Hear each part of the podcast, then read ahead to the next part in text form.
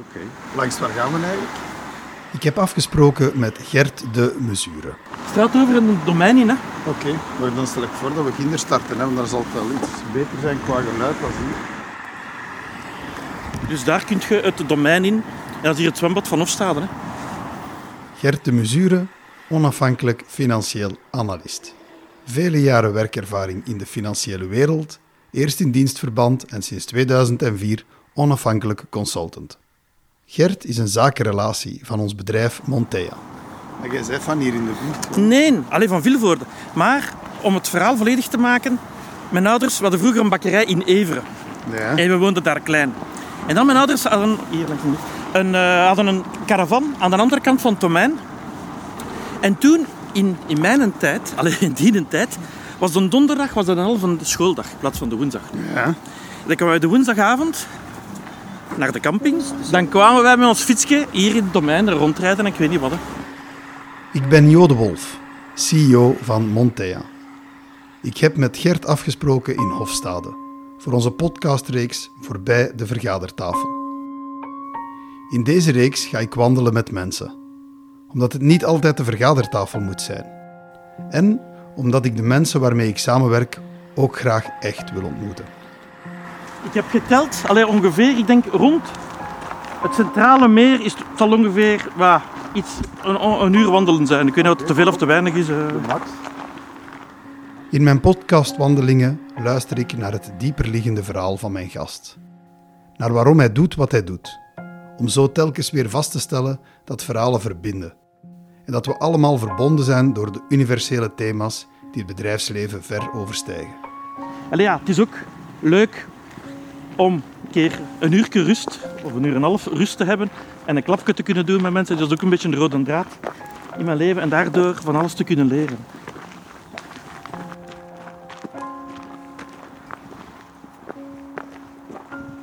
Ja, ik ben dus eh, Gert de Mesure.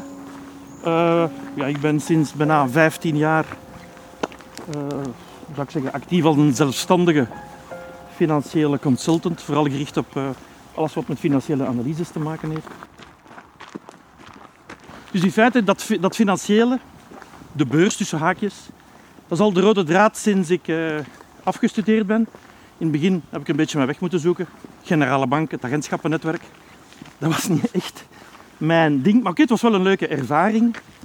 Eh, maar dan door die ervaring bij Generale Bank ben ik dan kunnen beginnen bij Japanse Bank in de dealing room. En dan, dankzij mijn tradingervaring, ben ik bij Bank Delen eh, kunnen beginnen. Het was toen Delen.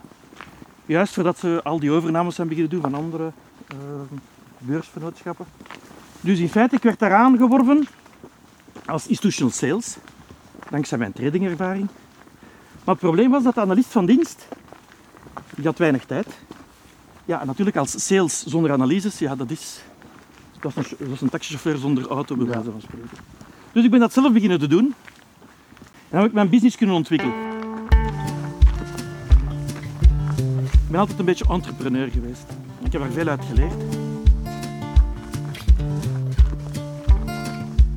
De reden waarom dat ik, waarom dat ik jou er ook wat bij heb, was eigenlijk omdat ik, eh, ja, heel veel analyse gebeurt vanuit de beschermende kokon van een bank hè, of een groot eh, huis.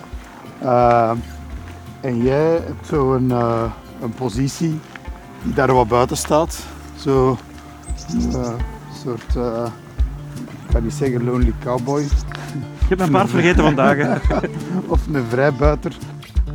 Maar toch iemand die, die eigenlijk op een heel dynamische, maar op een heel eigen manier zijn rol daarin speelt. hè. Je hebt een paar jaar geleden ook een boek geschreven over, over de sector.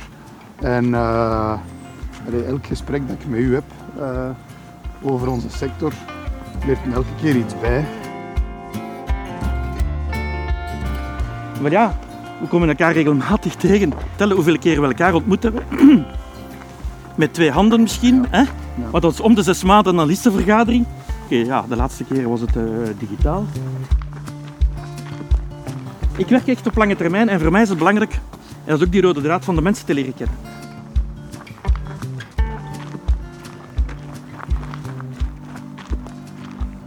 Ik ben in mijn carrière van crisis naar crisis gegaan. Ah ja, ik zat in het leger. Panzerinfanterie, Leopoldsburg. En ik kon gaan solliciteren bij Merlins Luxemburg. Maar oké, wij zaten toen met paleizenwacht. Ik kon geen verlof krijgen. Ik had toch wel een beetje van mijn oren gemaakt. Allee, ze lieten me gaan. En ik ben, moet even denken, oktober 87, joh. Het was een vrijdag. Ik naar Luxemburg. En die mannen, ah, het was in orde, we gaan die contacten sturen. Maar ik hoorde niks meer van die mannen. Wat was er gebeurd? De vrijdag en dan de maandag erop, de grote crash van 87. Dus ik was nog niet aan het werken. En ik was al geconfronteerd met een crash. En dus ik, ga, ik weet inderdaad, hè, je zegt, ja, veel mensen hebben die niet meegemaakt. Ik heb er toch wel enkele meegemaakt. Ik zat in een dealing room op een bepaald ogenblik. Op het scherm van Reuters, Gorbachev disappeert, boenk. Iedereen schrik van staatsgreep of zo in Rusland. Ik weet, allez, ik kan u garanderen. Ik heb die een dag wel 1 miljoen Belgische frank verdiend, want ik had een order voor een Nederlandse klant met een limiet. En ik heb die op mijn gemaksken uitgevoerd. Natuurlijk, ik had die veel goedkoper geko gekocht en dan aan de limiet van de klant uitgevoerd. Dus mijn dag was goed. Kijk, Gorbachev die is ook terechtgekomen. Dus is allemaal goed afgelopen. Maar ik wil maar zeggen, ik ging van crisis naar, naar crisis. Dus de 9-11, we zaten daar in de dealing room. Ja, er is er een vlieger uh, in, die, in die torens gevlogen. Je zat daar te kijken. En dan, huh? Wat? Er komt nog een vlieger af. Patat! Dus dan maak je dus Ja. on-site mee en uh, ja.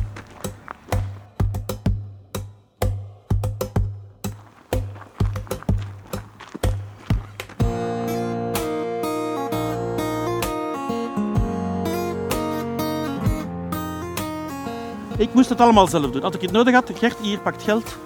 Hè? Dus voor mijn studie staat hij wiskunde. Ik heb dat misschien zelf beslist, denk ik. Mijn ouders, dat was werken, werken, werken. De bakkerij. Hè? Dus ik deed atletiek in de, bij ons in de buurt. Ik ging met mijn fietsje naar de, naar de training. Maar vanuit Vilvoorde reed ik met mijn fietsje met een kameraad naar Lebbeke naar, naar uh, Schaarbeek om daar meetings te gaan doen. Ik denk niet dat mijn ouders ooit mij zien lopen hebben op de piste. Ik ben Brabants kampioen geweest op de 100 meter. Ik denk niet dat zij dat echt ervaren hebben. En ik heb het altijd zelf moeten, moeten doen.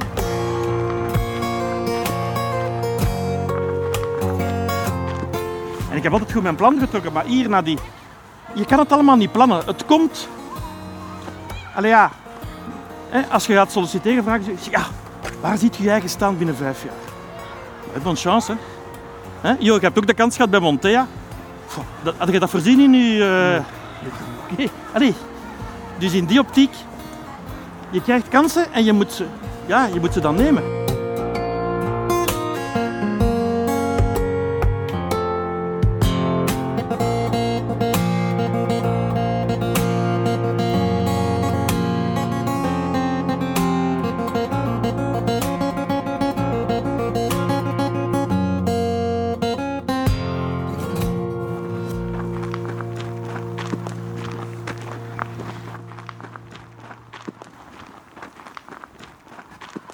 En uit al hetgeen dat ik leer en zie, uh, ik zie dus heel veel positieve zaken in het bedrijfsleven. Maar mijn grote frustratie is, ik lees daar niet over. Jo, leg me dat uit. Wat doe ik verkeerd?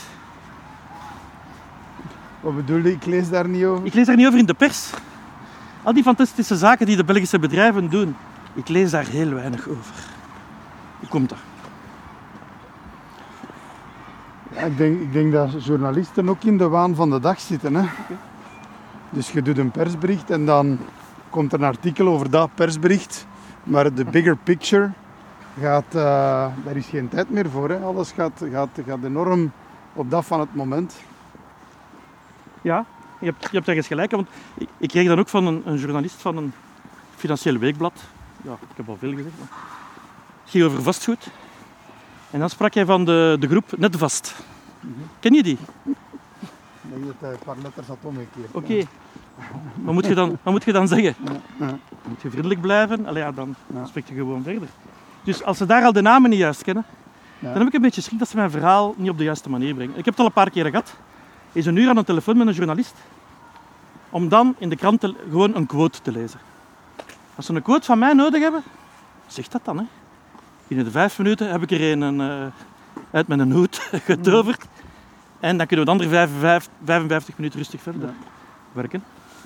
En dat is een beetje uh, inderdaad het, het, probleem. Ik moet me altijd gaan verrechtvaardigen naar particuliere beleggers die zeggen: Ja, maar Gert, ik heb dat gelezen. Zeg, hey.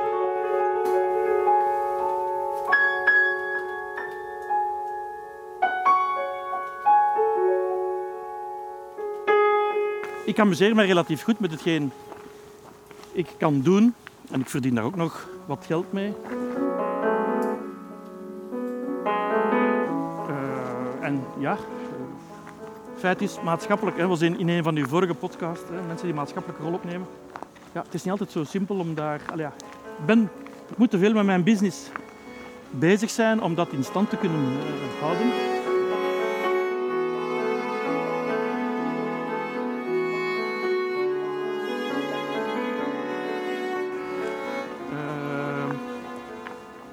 Ja, maar ik zeg het nogmaals, uh, ik heb ook een beetje een frustrerende periode achter terug op korte termijn dat ik eh, mijn ouders verloren heb. Allee, een beetje onverwachts. En uh, ja, dat is ook niet zo'n leuke periode. Hè. En dan ga je over een aantal zaken nadenken. We hebben ook in, in een malle molen gezeten met onze dochter met een tennis. Dat was treinen, treinen, competitie binnen- en buitenland. Interclub, dit en dat. Dus wij werden een beetje geleefd. Ze heeft nog een memorabele match gespeeld tegen Elise Mertens, toen als 13-jarige. Dat ze 3-1 voor stond, dat Elise in de hoek stond te wenen de coach, een beetje pep talk, die komt terug, die wint die set met 6-3.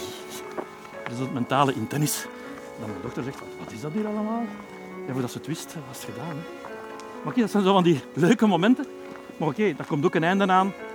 Ja, want topsport is leuk, maar sport is ook niet goed. Hè? Blessures, een operatie aan de voet en dat allemaal. Ja, dan komen er andere zaken in de plaats. En, oké, uh... en ja, nu ben ik daar ook iets bewuster aan het leven, omdat je vroeger geleefd werd. Hè. Dus uh, mm -hmm. het was dinsdagtraining, het was woensdagtraining, ja. het was zaterdag toernooi of, of ik weet niet wat allemaal. En in feite van dat zelfstandig worden, want hè, ik heb er dus inderdaad niet voor gekozen, maar in feite kwam er relatief goed uit. Want dat ik dan ook, allee, mijn dochter kon, kon helpen met een aantal zaken. Hè. Dus mijn vrouw is ook thuis gebleven om de dochter te kunnen opvoeden. We hebben dat besproken in het begin. Uh, maar dan ook met haar. Oké, okay, we, hebben een aantal, we zijn altijd samen geweest met ons geen En hè, als Montea iets organiseerde, dat was altijd... Ah, vraag dus aan jou ook voor een kaart voor de... Hè. Dus voor, ah, maar dat is wel plezant, maar zij komen dan ook in een, in een, in een interessante wereld. Ze leren ja. ook mensen kennen, hun ogen gaan, ja. gaan open. En dat maakt het ook interessant. Ook naar mijn, alleen, mijn vrouw en dochter. Als ik zeg van, kijk, ik ga naar daar, naar daar. En met wie gaat Ah, met de. Ah, dat zal wel plezant zijn. Hè. Of met, met Michel van, van. Oh, dat zal wel leuk zijn. Mijn dochter heeft ook stage gedaan bij, bij. Dat was ook lachen, gieren, brullen. Ook heel veel geleerd. En uh, dankzij hetgeen dat ze daar heeft moeten doen, dat was een van de praktijkvragen bij AG Real had ze daar goed gescoord. Dat had juist moeten doen in haar stage. En ze hadden gevraagd van, oh, hoe moet je dat en dat doen? Oh, dochter direct, bunk, kaarten op tafel, dat en dat. Dus ik wil maar gewoon zeggen, al die contacten, dat helpt wel vroeg of ja. laat. Ik kan moeilijk zeggen, ik ga vriendelijk zijn tegen de dienen, want dienen gaan me volgend jaar 10.000 euro opbrengen. Zo werkt het niet. Absoluut. Het is een, uh, want ik denk dat dat iets is wat dat heel, heel hard parallel loopt in wat dat jij doet en wat dat ik doe. Uh, we zijn eigenlijk constant aan het zaaien. en, uh, en je weet nooit waar dat ja. je gaat ah, oogsten. En je zaait eigenlijk ook niet. Allee, het is niet voorbedacht. Nee, nee, nee. nee. Het is gewoon, je doet dat gewoon. Voilà. En, en, en als ik heel veel van, van allez, een aantal van de grote zaken zie die wij gedaan hebben de afgelopen jaren met Montea. Als je de toevalligheid daarvan achteraf bekijkt van maar ik was daar toen die avond en ik ben die tegengekomen en we spraken toevallig over dat dossier. Ja. En die zei, ah maar ik ken iemand. En de, voilà. de hoe noemen ze dat in het Engels? Serendipity zeker of zoiets. Uh, dus de, de, de, toevalligheid van, van hoe dat heel veel zaken tot stand komen. Uh, ja, ik vind dat eigenlijk een van de mooiste dingen in de business. Dat je gewoon rondloopt, ja, niet met een voorbedachtheid van wie ga ik hier uh, van de avond strikken. Ja, maar je moet wel rondlopen, hè? Je moet eerst rondlopen, je moet eerst buiten komen. Hè? Absoluut. Dus dat absoluut. is de basis. Hè? Dus, uh... Absoluut.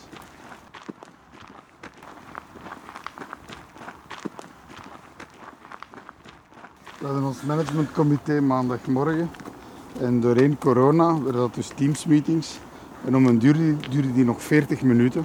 Omdat dat heel factueel werd. Ah ja, En op, moment, voilà, exact. en op momenten dat je die fysiek hebt, duurde die gemiddeld anderhalf uur tot twee uur. Ah, Omdat er ook tijd is voor de small talk, de anekdote ja, ja, ja. ertussen. Voilà. Maar waardoor dat er ook heel veel informatie uitgewisseld wordt en, en dat er heel veel kennis gedeeld wordt.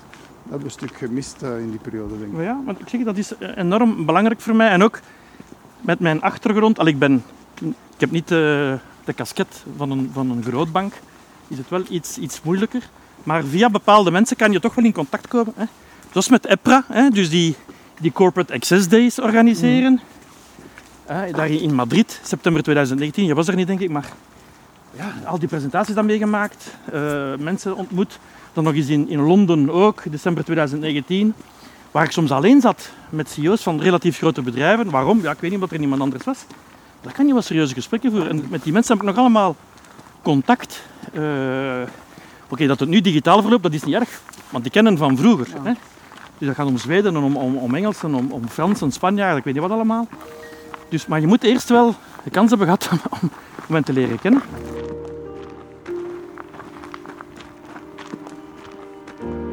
Moet Even denken, hè, 64, dus ik ben 57. Dus wat zou ik dan moeten doen? Allee, mijn job is mijn hobby en mijn hobby is mijn, mijn job. En ik kom altijd interessante mensen tegen.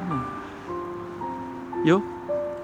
Huh? Kom, interessant. Dus ik, ik richt mij tot u. Hè. Absoluut. Nee, maar iets gelijks, iets gelijks.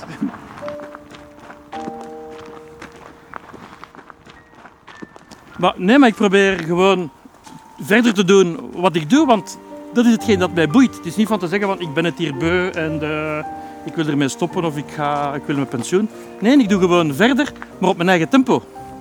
Oké, nu heb ik een, een drukke periode omdat ik mijn boek hè, eh, aan het schrijven ben. Straks moet ik dat boek nog eh, verkopen, dus ik moet Jo ook al bedanken voor de mooie bestelling. Hè, maar ik neem daar een financieel risico, dus dat moet. Hè. Maar eenmaal dat achter de rug is, dan, en, en op dat vlak ben ik heel comple- complementair met mijn echtgenote. Die zit al ja, weken bezig met nog de, de, de resterende vakantiedagen van mijn dochter. En dus voor ons ook te plannen. Terwijl ik zeg van, ja, maar ik moet even nog met een boek schrijven. Ja, ja, maar wanneer gaan we nu hè, naar, naar daar of naar daar? Maar oké, wij zijn op dat vlak heel complementair. Dat is ook wel eh, fantastisch. Hè? Dus ach- achter elke sterke man staat een sterke vrouw. Hè, Jo? Dus je zult dat ook wel weten. Eh, en, maar ik heb nu niet zo van die grote plannen. Ik, ik heb nu gewoon de mogelijkheden om een beetje te doen wat ik wil doen. De dochter nog eh, bijstaan bij een aantal zaken. Dus, en dat is, ja, dat is ook een, een ongelooflijke vrijheid. Hè. Dus het is niet van te plannen, ik wil, of ik wil eh, die wereldreis maken of zo. Dus eh laat ons eerst corona oplossen. Dat we dan terug eh, een beetje een verre, verre reis kunnen gaan doen om daar nog het een en ander te leren. Want dat is ook heel verrijkend.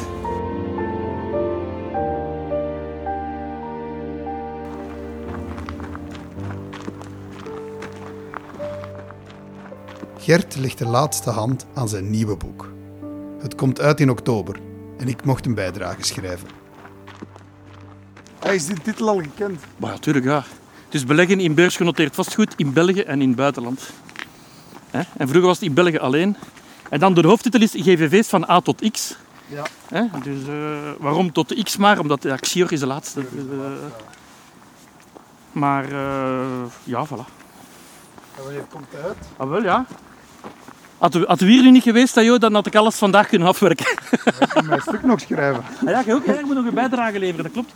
Nee, nee, maar eh, in principe, in de loop van volgende week moet alles af zijn. Dan nog ruw twee weken voor de druk. Dus tegen 15 oktober eh, is hij klaar. Want op 21 oktober hebben we een presentatie bij Leasinvest, waar ik hem dan de eerste keer ga aanbieden. Dan de 23 oktober de VFB Happening. Dat ik hem ook ga kunnen, goed ga kunnen verkopen. We zullen de publicatie van deze podcast ook eh, aligneren op de uitgave van uw boek. Het was weer een plezier om op pad te mogen gaan. Deze keer met Gert de Mesure. Dit was aflevering nummer 6 van de podcastreeks van Montea voorbij de vergadertafel. Bedankt voor het luisteren en graag tot een volgende keer.